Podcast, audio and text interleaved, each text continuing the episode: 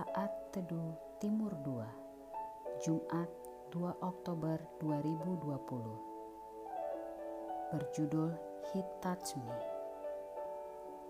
Tetapi Zakius berdiri dan berkata kepada Tuhan Tuhan, setengah dari milikku akan kuberikan kepada orang miskin dan sekiranya ada sesuatu yang kuperas dari seseorang akan kukembalikan empat kali lipat. Kata Yesus kepadanya, hari ini telah terjadi keselamatan kepada rumah ini, karena orang ini pun anak Abraham. Sebab anak manusia datang untuk mencari dan menyelamatkan yang terhilang. Diambil dari Lukas 19 ayat 8 sampai 10. Zakius adalah seorang pemungut cukai, bahkan kepala dari pemungut cukai di daerah Yeriko. Sebagai latar belakang, pada masa pemerintahan Roma, orang-orang Yahudi diharuskan untuk membayar pajak kepada kaisar atau pemerintah Roma. Sudah menjadi hal yang umum pada masa itu bahwa seseorang pemungut pajak biasanya menarik pajak lebih daripada yang ditetapkan oleh pemerintah Roma. Dengan cara seperti inilah Zakheus menjadi kaya. Karena Zakheus seorang Yahudi, maka dia dianggap seorang yang berkhianat terhadap bangsanya sendiri karena dia bekerja pada pemerintah Roma, bangsa penjajah.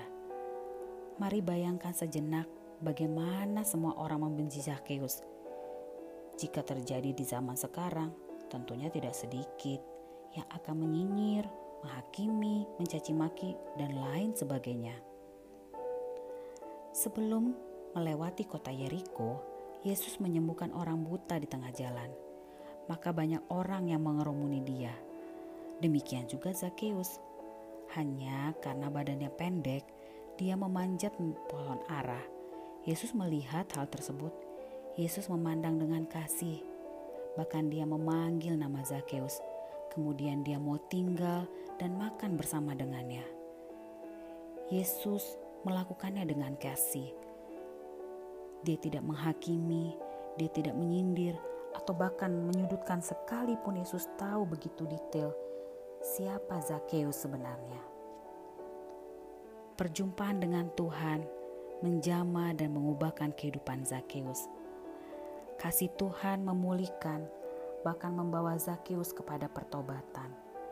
Kasih Tuhan membawa Zakheus dari gelap kepada terang tanpa perlu dikotbahin yang panjang-panjang atau disuruh-suruh. Zakheus setelah menerima Yesus dengan sukacita, terjadilah impartasi di mana dia bereaksi langsung dengan sebuah sikap pertobatan yang diwujudkan dalam tindakannya, yaitu bersedia memberikan setengah dari miliknya dan tidak tanggung-tanggung dikembalikan empat kali lipat. Wow, amazing! Saya percaya ada banyak Zakheus-Zakheus di rumah kita, di sekitar kita, di sekolah, di kantor, di lingkungan rumah, bahkan di organisasi atau komunitas yang kita ikuti. Jangan menghakimi, tidak perlu mencari kesalahan orang lain, tidak perlu menyudutkan, apalagi memaki-maki. Mari kita teladani sikap Yesus, nyatakan kasih kita kepada mereka Lewat hidup kita akan banyak orang-orang mengalami kasih Tuhan, mengalami pertobatan, bahkan bagi seisi keluarganya. Mencari yang terhilang, membawa dari kegelapan kepada terangnya. Selamat menikmati hari yang baru.